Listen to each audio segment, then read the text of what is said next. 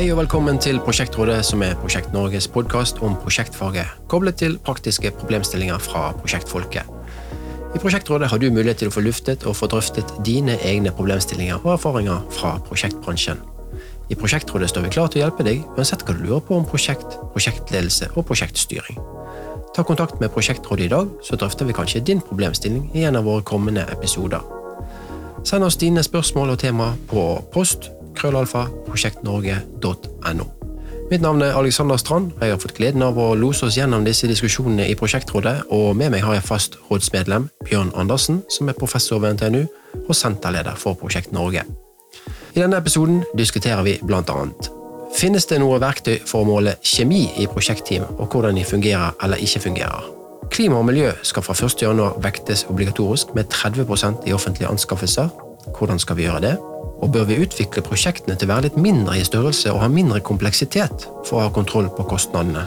Denne episoden er en fortsettelse fra episode 17, og vi har naturligvis de samme rådsgjestene, nemlig Merete Kvidal fra Multiconsult og Ståle Brovold fra Veidekke.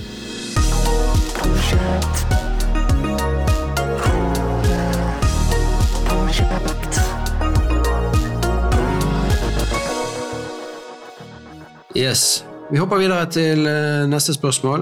Kjære prosjektrådet. Etter å ha arbeidet i store og kompliserte olje- og gassprosjekter i snart 30 år, har jeg en formening om at jo bedre kjemi det er mellom ingeniørene fra mange forskjellige selskaper som arbeider sammen i disse prosjektene, jo bedre blir både løsningene og fremdriften.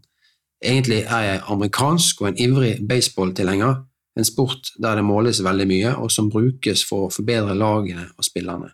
Finnes det noen verktøy for å måle prosjektteam, og hvordan de fungerer eller ikke fungerer? Ja, har dere brukt noen måleverktøy for å måle kjemi i prosjektene eller i team? Vi har, vi har, vært i arbeid, prosjekt hvor det har vært brukt mer, mer sånn tradisjonelle arbeidsmiljøundersøkelser egentlig på prosjektteamene. Så det, det jo, finnes jo metoder på det, og det finnes jo store databaser har, hvor du kan plukke ut eh, type bransje du er og segment du er i.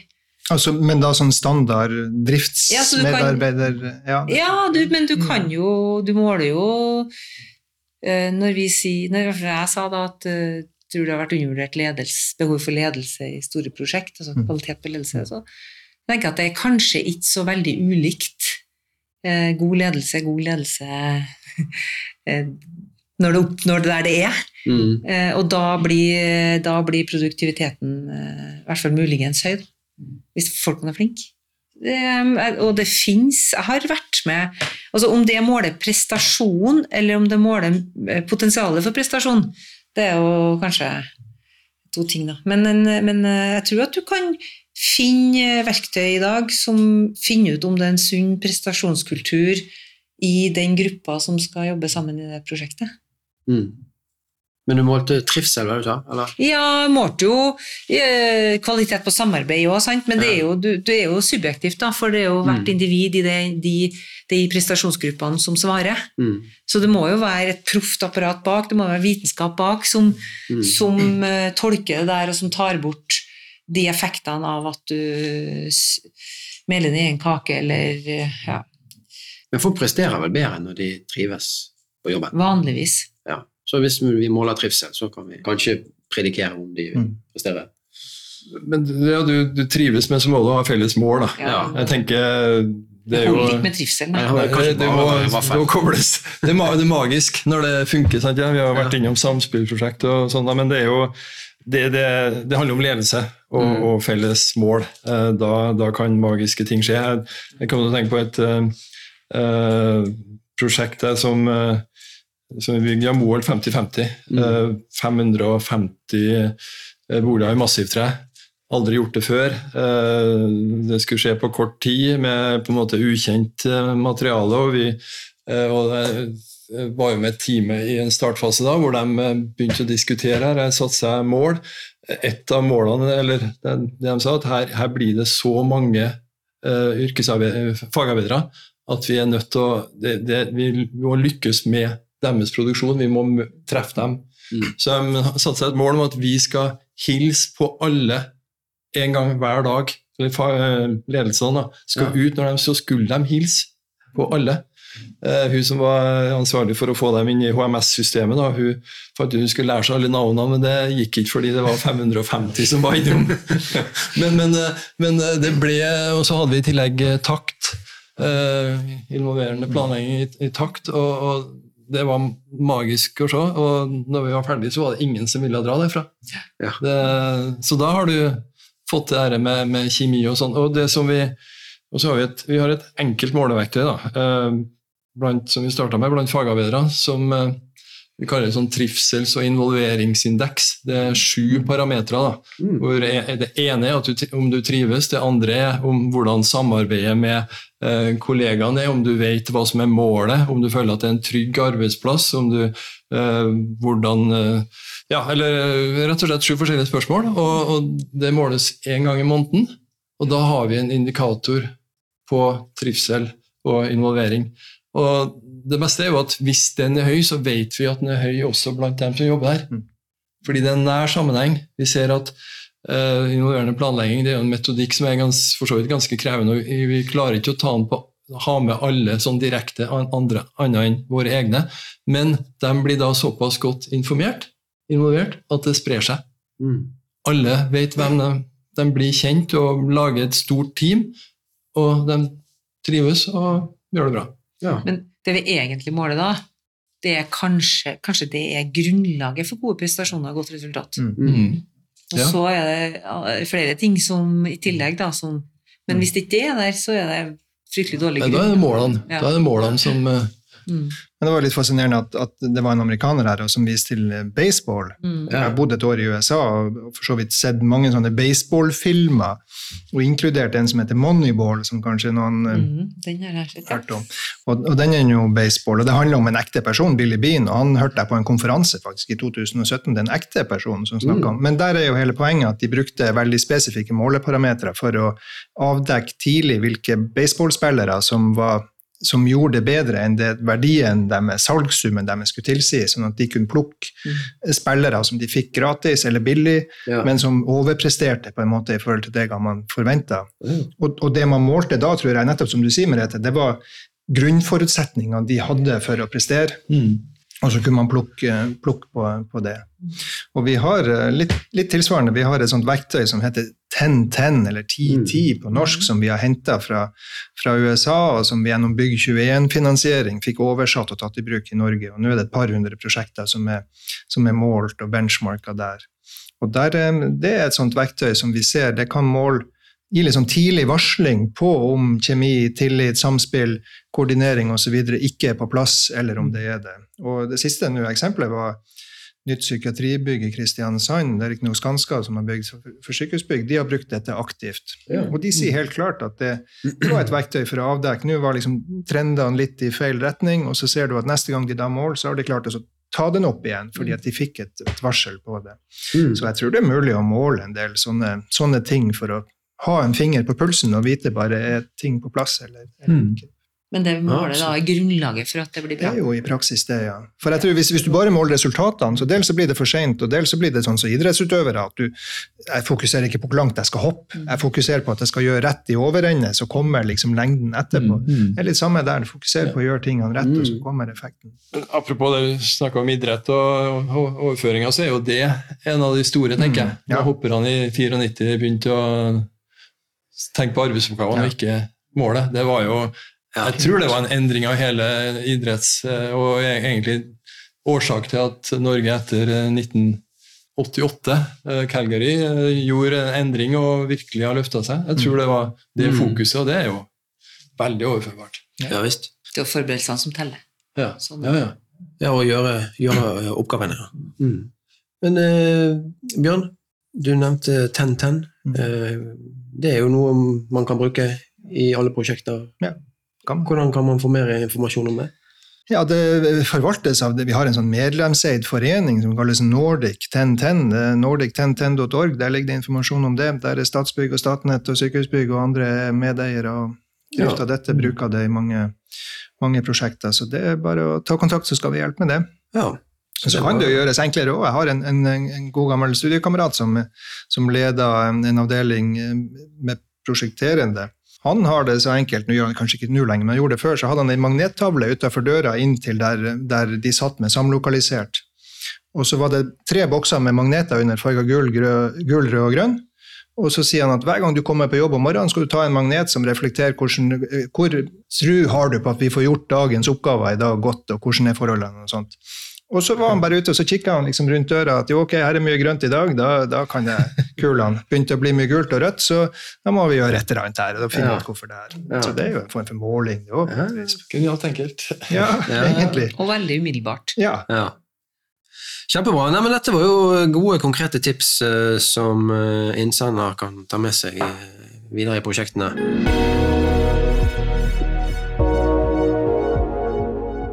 Vi hopper videre til neste spørsmål. Hei, Prosjektrådet. Klima og miljø skal fra 1.1.2024 er det da, vektes obligatorisk med 30% i offentlige anskaffelser.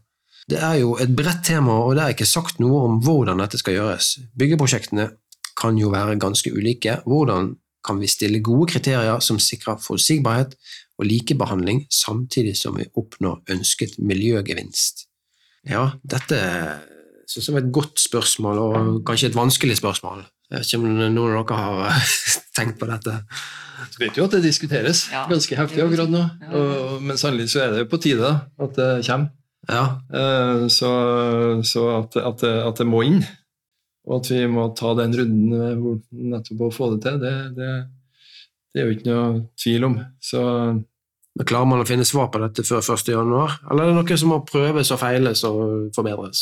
Jeg tenker at vi har jo i hvert fall fått veldig, eller vunnet veldig mange konkurranser allerede på kriterier innen klima. Mm. Uh, eller bærekraft, da. Så, så, det er jo Det brukes jo nå. Uh, hvis du tenker på, på Alo-bygget som dere uh, holdt i med, Rete, så var det jo en klar forventning så vidt jeg husker fra byggerne om at vi, de skulle ha 30% reduksjon i CO2. Og det var jo et kriterium, så jeg tenker at det handler om at du lager klare mål. Og så, og så, så jobber jo hver med, med hvordan man skal klare det, og da er det jo selvfølgelig å dokumentere da, at man faktisk gjør det. Og, Vi overpresterte da på ALO. Ja, det ble 40. Mm. Ja. Men, men, jeg tenker, noen ganger så blir jeg fascinert av folk som tror at vi vet hvordan, hvordan vi skal bygge om fem år og mm. sette kriteriene så smalt ut fra dagens kunnskap mm, mm. at vi begrenser nytenking og innovasjon. Og det, det, er en, det, det, Noen fagfolk er så flinke at vi er helt sikre på at vi har sett lyset. og vi har sett lyset med stor L, og det er liksom det svaret som er rett i fem år. Og vi kan komme i skade for å legge inn kriterier i Én ting er konkurranser, men også i reguleringsplaner den slags, som er avleggs Altså En reguleringsplan gjelder i mange, mange år. Mm. og så er de kriteriene og de kravene avleggs og egentlig litt begrensende. Eh, fordi de må følges i f.eks. konkurranse senere, hvis det er en offentlig utbygger der. Du nevnte jo nettopp Ståle, at dere bygde den her i massivtre.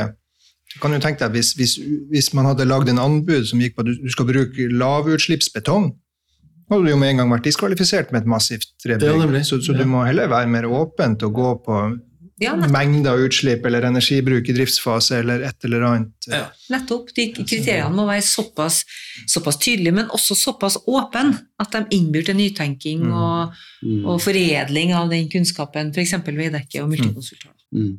Det er jo litt tilsvarende sånn som man har jobba med oljebransjen kanskje først, men etter hvert også i byggebransjen med mer funksjonsspesifikasjoner. altså At leveransen skal gjøre dette, den skal fungere sånn, eller noe sånt. Men du trenger ikke å si noe om akkurat hvordan den skal utformes. Nei. Det kan du la leverandørene bruke sin ekspertise og kreativitet til å finne ut. Mm. Klima og miljø det handler jo litt om eh, kvalitet eh, på den løsningen som skal leveres. da. Eh, og kanskje prosessen òg. Eh, det var vel byggeprosjekter han nevnte her, ja. Mm. Sånn, eh, for det eh, Du spør gjerne om eh, et eller annet bygg da, som skal være så og så stort og mm. de, de funksjonene. Mm. Og så skal det være noe klima og miljø som er en del av den løsningen der. Ja. Og så skal det ha en pris, og så har det kanskje en produksjonstid som de lurer på.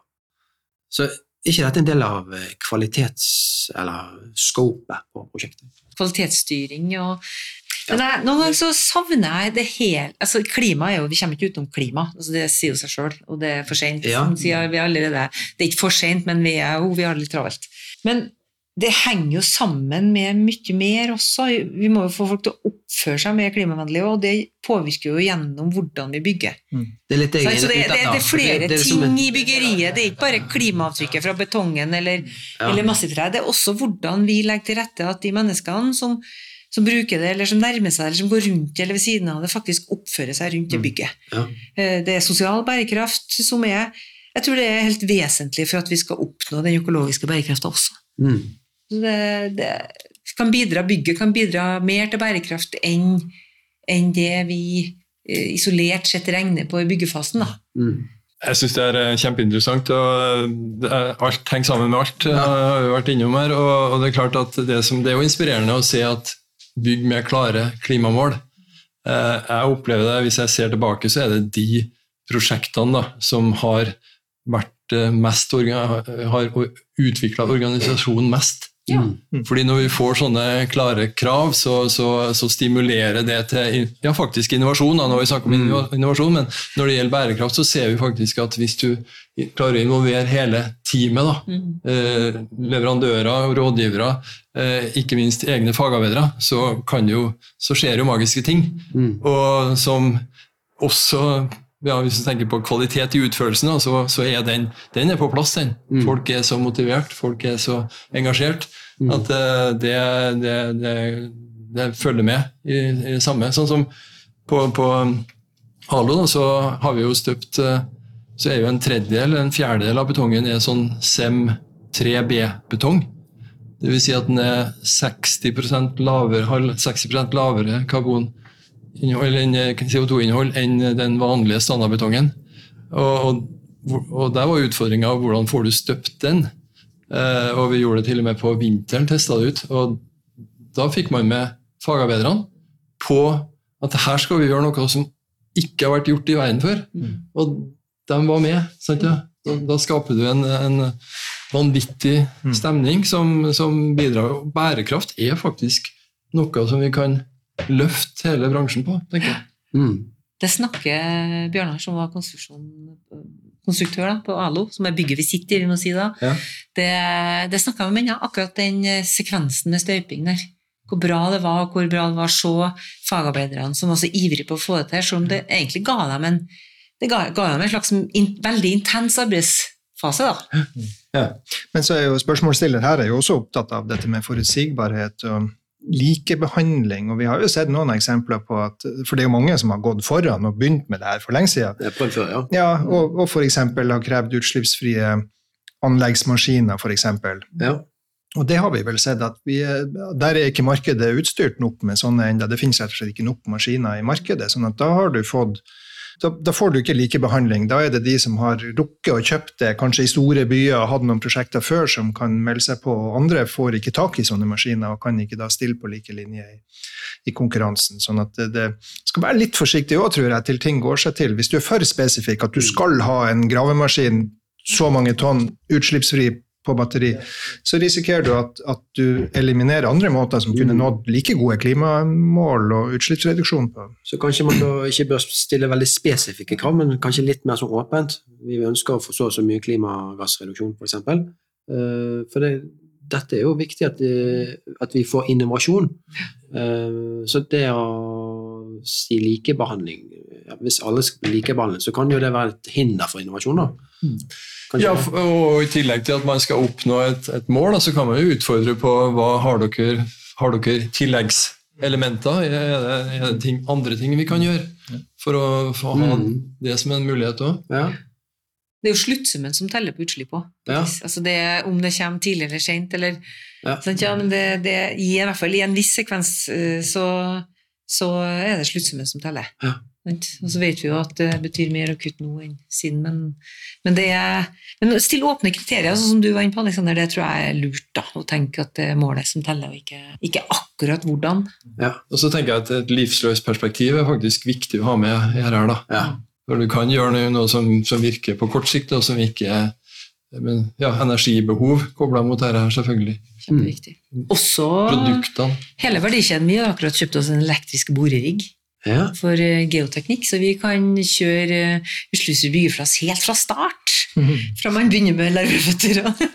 Veldig bra. Men da eh, tenker vi det var en god oppsummering. Eh, Vi, vi har ikke helt svaret på, på hvordan, men eh, vel, stille litt åpne eh, krav, og vi tar med hele livsløpet.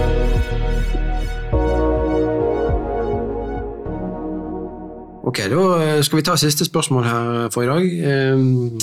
Hei, kjære prosjektrådet. Statsbygg-direktøren slår seg på brystet og forteller om at prosjektene blir flere og større og mer komplekse. Med tanke på hvordan kostnadsutviklingen i disse prosjektene har gått de siste årene, tyder det kanskje på at det ikke er en fornuftig utvikling. Dessuten tar disse gigantprosjektene så lang tid at behovet har endret seg flere ganger underveis. Nå kommer jo AI og mer datahjelp, men er det ikke egentlig lurt å utvikle prosjektene til å være litt mindre i størrelse og ha mindre kompleksitet for å ha kontroll på kostnadene? Ja, det er mye store prosjekter her. Ja, hvordan spiser man en elefant? Ja. Tar en bit av gangen. Ja, nemlig. Det er jo det, vi, det som er viktig her. Men du kan jo bli mett, da, hvis du skal Ja. spise hele elefanten. Ja, men det må jo definere hvor stor elefant du trenger. Da. Og det er jo litt sånn eh, Apropos funksjonsbeskrivelser, og ikke eh, bygge program detaljert på altfor tidlig før du har gjort den prosessen. Det er nå én ting. Men det å ha kål på så store, komplekse prosesser, det er krevende. Mm. Og det er ikke bare å ta mobilen opp fra lommeboka og se om du har et ned fra baklomma og se om du har et styringssystem som passer, som er brukt sist. Altså, jeg, tror at, øh, jeg tror at det å betrakte konteksten her, eh, hvem er involvert Det er forskjell på om det er et departement som eier det bygget, eller om det er Kjelsberg gjennom. Mm. Det er forskjeller med forskjell, forskjellige typer byggherrer. Det å sette opp prosjektene i hen, liksom, Betrakte konteksten før du setter opp prosjektene, det tror jeg er undervurdert. Vi tar den modellen vi mener virka sist. I hvert fall jeg, fra mitt perspektiv, opplevde at virka sist. Og så kjører vi den inn i det prosjektet her, uavhengig av om det er en helt annen type brukerorganisasjon eller forvalterorganisasjon etterpå, eller om det er eh, ulike organisasjoner som skal eie og forvalte, eller eh, hva det er. Det, der tror jeg også den organisatoriske kompetansen eh, tror jeg kunne ha vært bedre brukt, i hvert fall. Og det er også litt ledelse, da. Ja, ja. Sant? Og litt erfaring fra ulike bransjer og, og sånne ting. Og det å, det å ikke trø, prøve å trykke det inn i den forma du fikk det til med et helt annet type prosjekt i fjor. Mm. Eh, Men at, at vi må bygge store prosjekt At de i hvert fall betraktes som prosjekt i tidlig fase, ett prosjekt i tidlig fase, det tror jeg er nødvendig for å ta ut nok effekt av dem. Mm. Men sånn som du jobbet jo med campus, Ja. NTNU, vet jeg. Det er jo et, et sånt gigaprosjekt. Men likevel så er det delt opp i flere delprosjekter. sant? Det var jo alltid det. Ja. Det var jo det hele tida. Ja. Så det, det å dele opp nok, men ikke så mye at du mister fleksibiliteten mellom delprosjektene for tidlig. Sant? Fordi at er som, da kan vi komme i skade for å bestemme at eh, studentene på historie kommer til å samarbeide mest med botanikerne. Mm. Og så endrer det seg om ti år. Ja. Sant? Og så har vi målsøm på noe som ikke passer tida. Så det må være mulig å endre da, når du jobber på den måten der. Mm. Det kan ikke være sånn at det er bestemt, og så er det sånn. Og, så. og statlige prosjekt har jo sin egen dynamikk, også da, for det kan jo ta ganske mange år Mm. fra ideen er der, og fra du har kommet et stykke til du får en bevilgning. Og da er kunsten å ikke bruke unødvendig mye penger i mellomtida, men å gjøre det som er smart å gjøre i Mm. mellomtida. Kan du tenke på det der, eh, E6-prosjektet fra Ranheim til Stjørdal, hvor det liksom ja, Først var det jo 100, så hadde det blitt 110, og så nå er det siste delen skal ned i 80. Eh, Da etablerer du en skikkelig flaskehals Ja.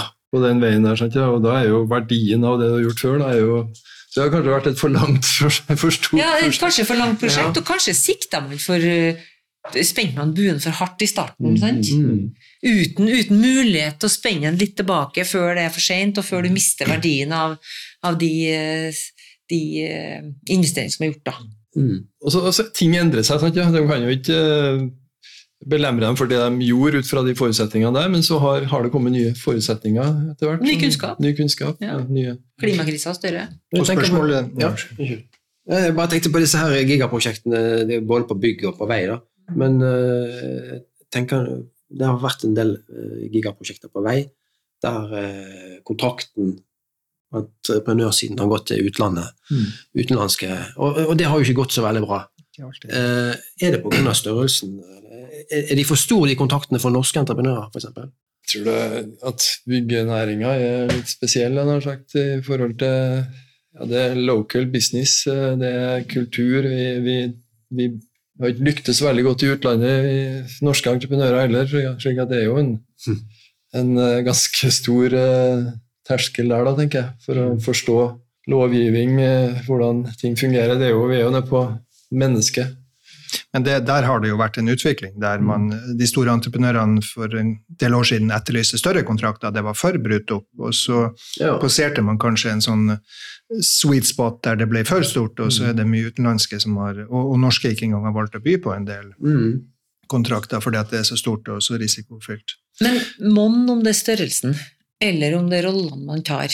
Sant? Altså, er det Jeg tror Eller kompleksiteten. Ja, men, men, ja. men rollene man tar og kompetansen man setter inn, også som byggherre, da. Mm, man må, jeg tror ikke at De artigste prosjektene man jobber med, er vel med de aktive, eh, gode byggherrene som vil mer, og som engasjerer seg i produktet sitt. Mm. Og ikke distansere seg og si at her er kontrakten, her er rammene, go. Men bidrar, og kanskje spesielt når det er så samfunnsengasjerende som vei, da. Mm. eller universitet for den del, mm. så, så, må man være inn og tune eh, og bidra som byggherre og som bruker, eh, som er framtidig eier hele tida. Og det, kanskje, kanskje er det jo noen kontraktsformer som man har brukt, som ikke har vært egnet til størrelsen, da, kanskje og gitt for stort spillerom og for mye frihet. Og, og vi òg sitter jo i oppdrag hvor kanskje, kanskje, noen ikke helt er komfortabel med det lovverket som er i Norge. Men, men uh, apropos Statsbygg, det sto jo en artikkel om Statsbygg og deres lansering av samarbeid om store prosjekter her på mandag. Mm. Uh, og det er også, Da snakker jeg om megaprosjekter større enn fem milliarder. Mm. Uh, og så refererer uh, Halvard Kilde samtidig til at eh, det er altså 80 uh, som ikke når sine mål av den type prosjekter. Mm. 80 ja. ja. Som ikke når sine mål. Og, og, og, og også sier også at uh, risikoen øker eksponentielt med størrelsen. Og da er liksom spørsmålet hvor det har, jo, det har, jo, store økonomiske konsekvenser, men jeg tenker at det har jo menneskelige konsekvenser. Ja. Hvem er det du setter inn i en sånn? Hvis du har en nullvisjon for ting, så må du jaggu ha en nullvisjon for, eh, for, hvordan folk skal ha det på, på jobb òg. Fordi eh, det er klart, når sånne prosjekter går skeis, så er det store det, det, er var, det er en stor katastrofe. Det syns jeg var veldig interessant. Jeg, I min tid i Statsby så jobbet jeg mye med det livsvitenskapsprosjektet som er i Oslo. Da, som er, det er jo et sånt gigaprosjekt. Og der diskuterte vi det der med kompleksitet, kalte vi det da. Du mm. kaller det kanskje risiko her nå. Men eh, det å få flere aktører inn Det er så mange på prosjekteringssiden, så mange på entreprenørsiden, så mange aktører totalt sett, at den kompleksiteten bare øker mm. eksponentielt. Det var vår hypotese, da. Mm. Jeg vet ikke om dette stemmer, om det, det finnes forskning på det, men, men eh, det, det, er litt det du er inne på med risikoen òg. Kompleksitet og risiko øker eksponentielt. Og da da tenker jeg spørsmålsstiller er inne på noe her med å mm. redusere størrelsen, vil redusere risikoen. risikoen. Og så er det ikke nødvendigvis bare størrelsen. Det kan jo være ting som er stort, men som blir enklere likevel, fordi det blir ikke noen flere aktører. Men normalt så vil det jo bli sånn at jo større, jo større omfang, jo flere interessenter, jo flere aktører, jo mm. Så, så, det er en, det er en grunn til at det finnes et eget forskningsområde som er megaprosjektledelse, med mye forskning på håndbøker og, og råd og tips osv. Det, det er overbevist om at du kan ikke gjøre et megaprosjekt på samme måte som et Nei. mediumprosjekt. Du må faktisk innse hva det er du har med å gjøre, og, og innrette annerledes og organisere det annerledes og styre det annerledes. Du kan ikke styre et på 90 000 kvadrat på samme måte som du styrer et på 20 000. Det er, for det er annerledes. Det er synd å si det, for det finnes knakende flinke prosjektledere på 20 000 som skal fortsette med det, men det er ikke sikkert de klarer 90 000. Mm. For det er en annen måte å tenke på. Og også med hvordan, eh, hvordan det skal planlegges Mm. i tidlig fase. Kanskje en annen idrettsgrein? for å bruke Ja, det. kanskje det blir basket, da. Ja. Så kan du ikke bruke håndballregler. Jeg var, var, på, var på et sånn eh, seminar i regi av NTNU eh, Prosjektforum i 2016. Det var en, en engelsk professor som var her og fortalt, også fortalte om at det var en 70-80-90% av prosjektene som gikk gærent. Og hvorfor gjorde det? Og da var det det som jeg var innom da, han sa det var to ting. Lack of planning, lack of communication. Så, og, og det kan man jo se for seg. Det handler jo om å du sa ta deler av elefanten. Det handler jo om å ha oversiktlige elementer som et menneske faktisk kan ha Mm. nok oversikt over. Og så må, det være, må du finne de, eh, de delene du kan dele opp prosjektet i. Da. Men så er jo likevel spørsmålet hvis du kan forbedre fra 80% så gærent til 50% Det er jo en stor forbedring, men er det tilstrekkelig for at man skal holde på med det her?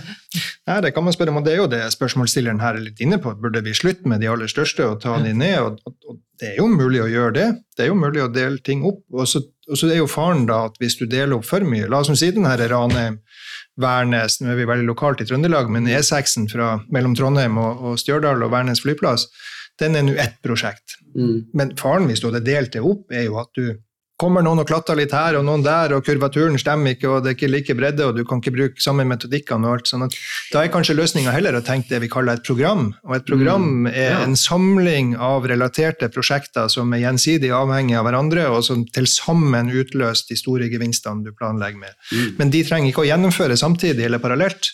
De kan gjøre sekvensiert og, og, og lære av det første til det neste osv. Og, så og sånt, og da er det kanskje en måte å ta ned Mm. størrelsen og også kontrakten og usikkerheten i hvert eh, prosjekt. Men det er jo ikke alltid det lar seg gjøre, selvfølgelig. Mm.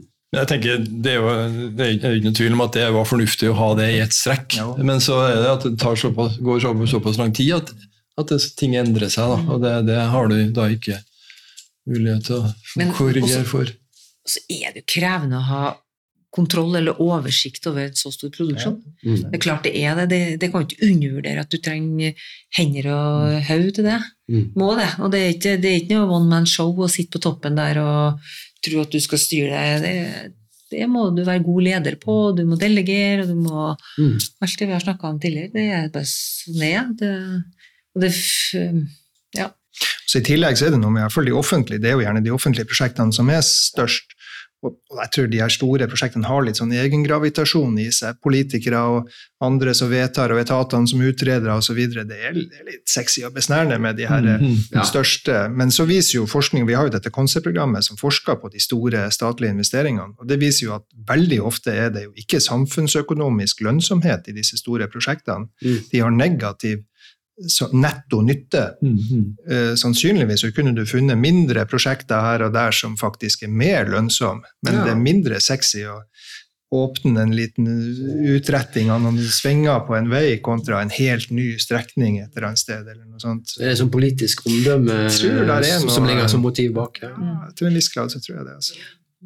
kom, kom til å tenke Vi snakka om byggekostnadsprogrammet og, som var i 2005. eh, og da, Noe som jeg husker, det var jo at, at, eh, at eh, prisen per kvadratmeter på bygging da, blir lavere opp til femte etasje. Men så snur det. Ja. For da kommer logistikken inn og, og gjør at kostnaden øker igjen. Sant, ja? Så det er en fysisk begrensning i forhold til, til det. og Det er jo på en måte noen fysiske og mentale begrensninger her. og som Overgår du det, så er det, som du sier, kanskje nytten er, borte. Syns det var et godt bilde å, å avslutte med. Og så eh, kan vi si at eh, de store prosjektene, megaprosjektene, vil sikkert ikke forsvinne, men eh, vi må ha egnet ledelse og organisering av de. Og så må vi være klar over at det er eksponentiell risiko. Bra. Da er vi kommet til veis ende i denne innspillingen av Prosjektrådet. Så da takker vi våre rådsgjester Merete Kvidal fra Multiconsult og Ståle Brovold fra Veidekke. Og ikke minst takk til deg, Bjørn, fra Prosjekt Norge og NTNU. Så vi sier takk for at alle var med oss, så høres vi igjen i neste episode av Prosjektrådet. Takk for at du ble invitert. Tusen takk. Hei igjen, det var episode 18 av Prosjektrådet, og jeg håper du fikk noen varierte synspunkter om noen interessante problemstillinger fra prosjektverden. Hvis du liker Prosjektrådet, så kan du abonnere på Prosjektrådet i din podkastspiller, så er du sikker på å få med deg alle episodene når de kommer ut. Prosjektrådet er Prosjekt Norge sin podkast om prosjektledelsesfaget og kobling til problemstillinger i praksis. Har du en vanskelig situasjon i ditt prosjekt og lurer på hva du skal gjøre? Har du et prosjektdilemma som du ønsker innspill på fra andre? Har du en vanskelig ledelses- eller samarbeidssituasjon i ditt prosjekt? Vi i Prosjektrådet ønsker å høre fra deg, så drøfter vi kanskje din problemstilling i en av våre kommende episoder. Og Lytt gjerne òg til vår søsterpodkast Prosjekteffektpodden, som du finner på prosjekteffekt.no, eller der du liker å høre podkast. Prosjektrådet er produsert i samarbeid med T2 Prosjekt, og mitt navn er Alexander Strand. Og jeg ser frem til vi høres igjen i neste utgave av Prosjektrådet.